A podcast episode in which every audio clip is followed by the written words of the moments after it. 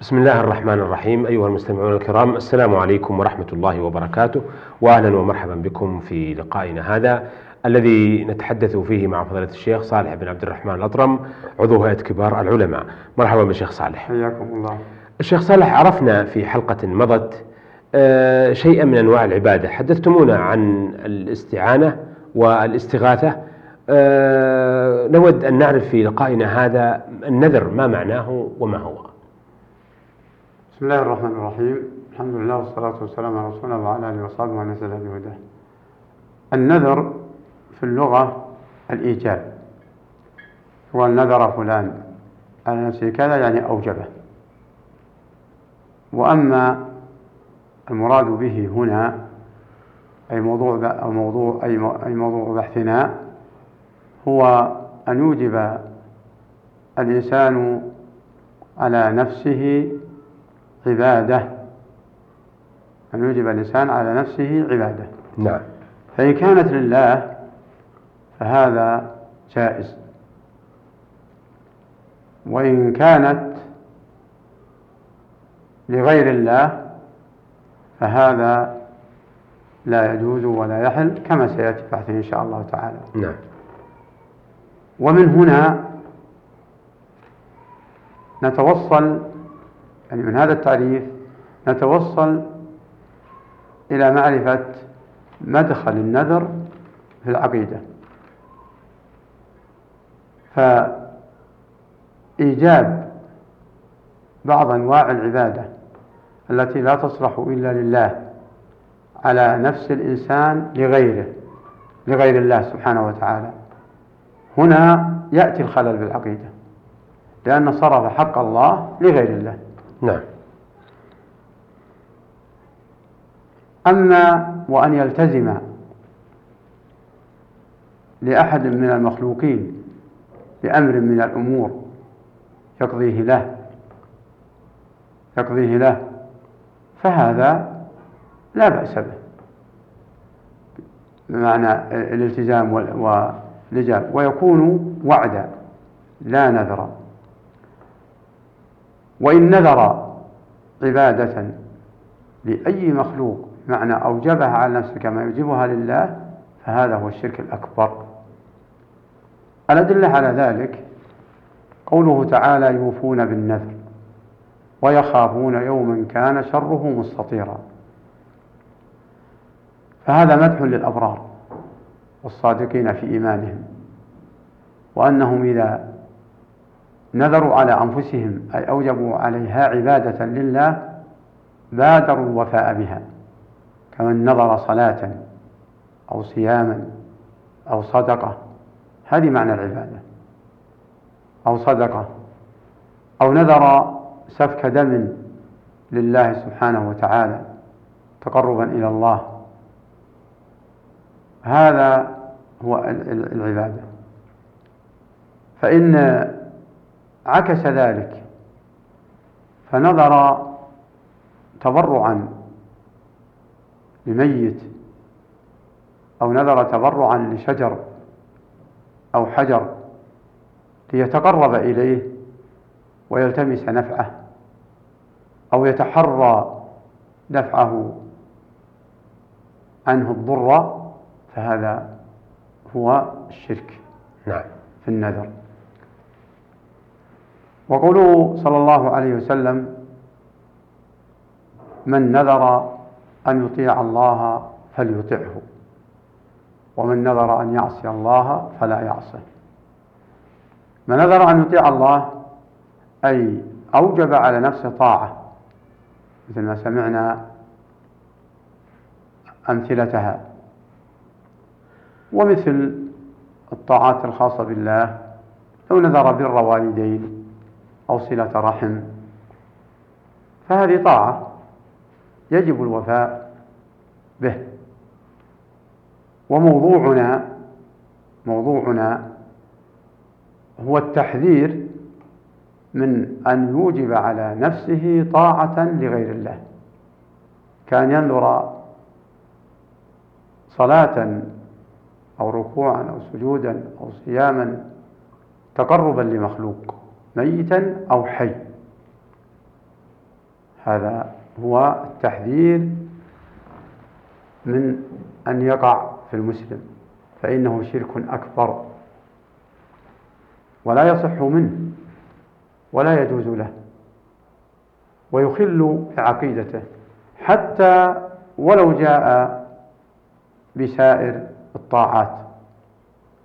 فإن الله سبحانه وتعالى لا يقبل أن يشرك معه في عبادته أحدا. هناك أحكام للنذر أحكام فقهية. نعم. لا مانع أن نتعرض لها وإن كان الموضوع فيما يخل بالعقيدة. فمن الواجبات فمن الأحكام الفقهية أن الوفاء أولا أن النذر لا يلزم ولا ينبغي للمسلم أن يحرص على النذر بل الرسول عليه الصلاة والسلام نهى عنه نهي تنزيه نهى عن النذر وقال لا يأتي بخير وإنما يستخرج به من البخيل. فاستنبط العلماء من هذا النهي أن نهي كراهة.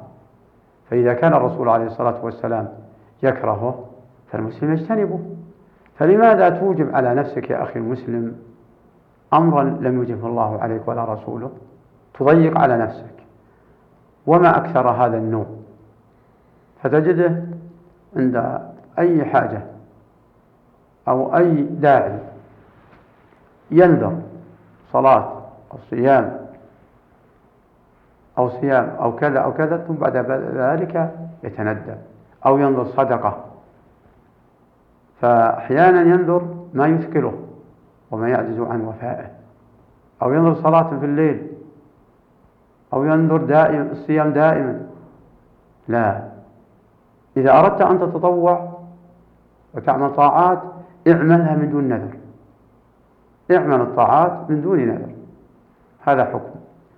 الحكم الثاني متى يجب الوفاء بالنذر؟ إذا حصل إذا كان طاعة لله.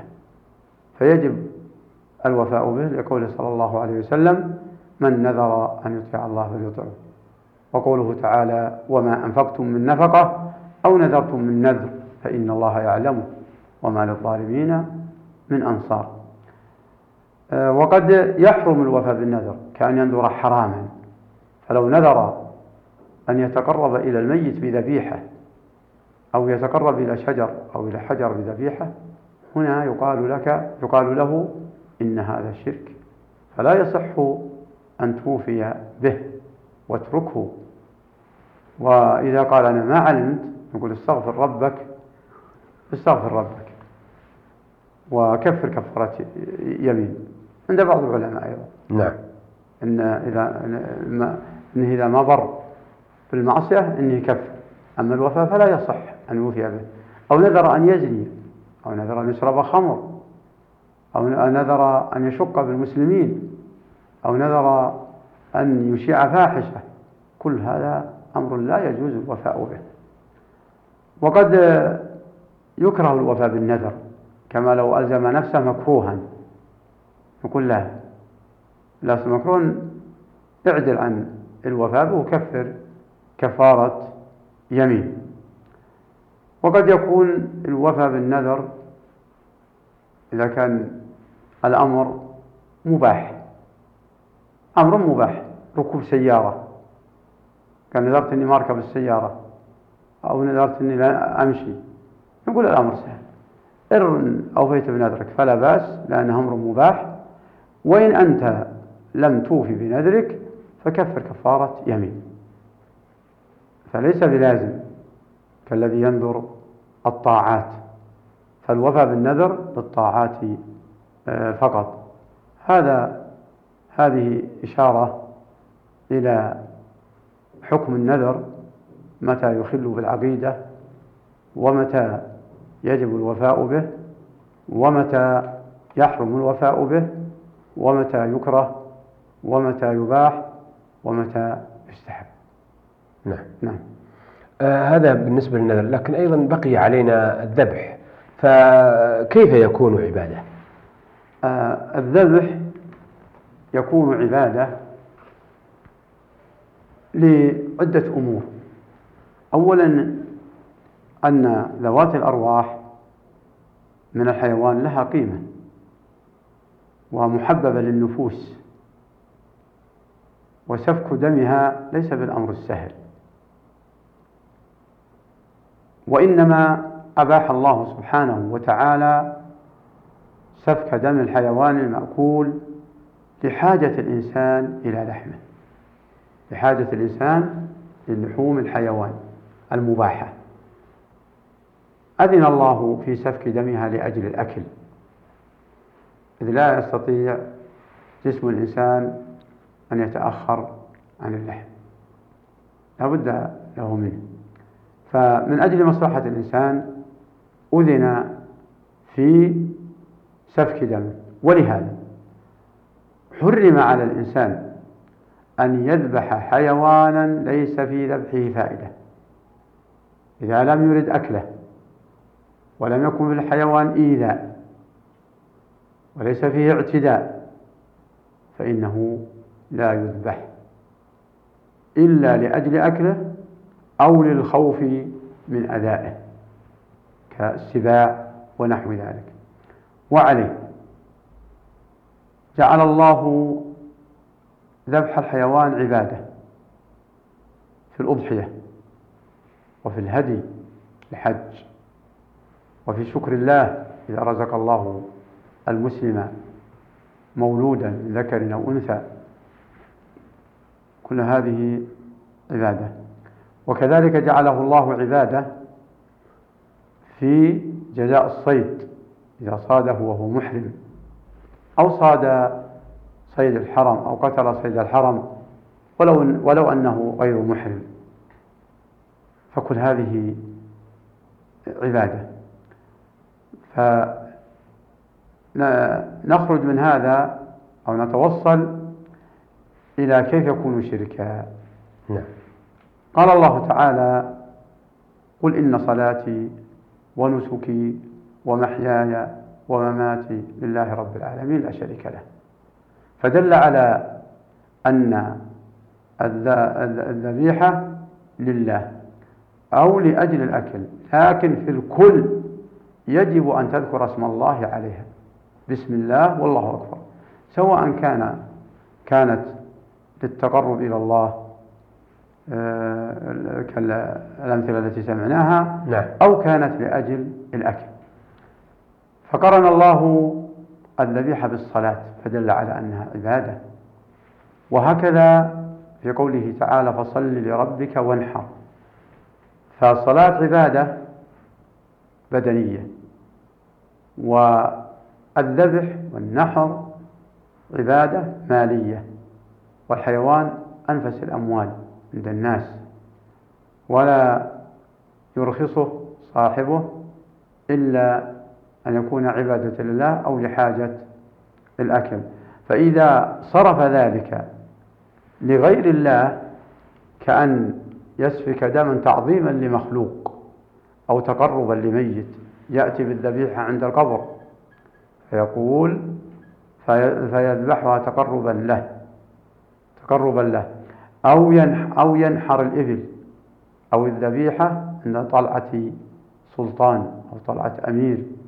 تعظيما له فإن هذا يعتبر شرك. ولا يشكل علينا أنه إذا جاءه ضيف ذبح ذبيحة له لا. لأن الذبيحة للضيف ليس تقربا له بسفك دمه وإنما لإكرامه بتهيئة بتهيئة جميع أنواع لحم الحيوان له إكراما له. كما كما يحرص أن يجعل له أفضل الطعام. وهذا أمر مباح. فلو قال باسم الضيف أو سفك عند طلعة الضيف تعظيما للضيف جاء الشرك. أما وأن يذبح الذبيحة كي يقال عليها بسم الله والله أكبر كي يهيئ آه، أنواع اللحم لضيفه فهذا لا يدخل فيما نحن فيه ولا يخل اللحم في العقيدة وهو أمر جائز ذكر اسم الله عليه وللغرض الذي سمعناه من تطيب خاطر الضيف. فالذبح لغير الله كان موجود في الجاهلية. يذبحون الأصنام ويذبحون الأوثان ويذبحون تقربا. فلهذا سمعنا الآيات بأن الذبح يخص لله وجاء الحديث في الوعيد الشديد. وهو اللعن والطرد والإبعاد عن رحمة الله. في قوله صلى الله عليه وسلم لعن الله من ذبح لغير الله.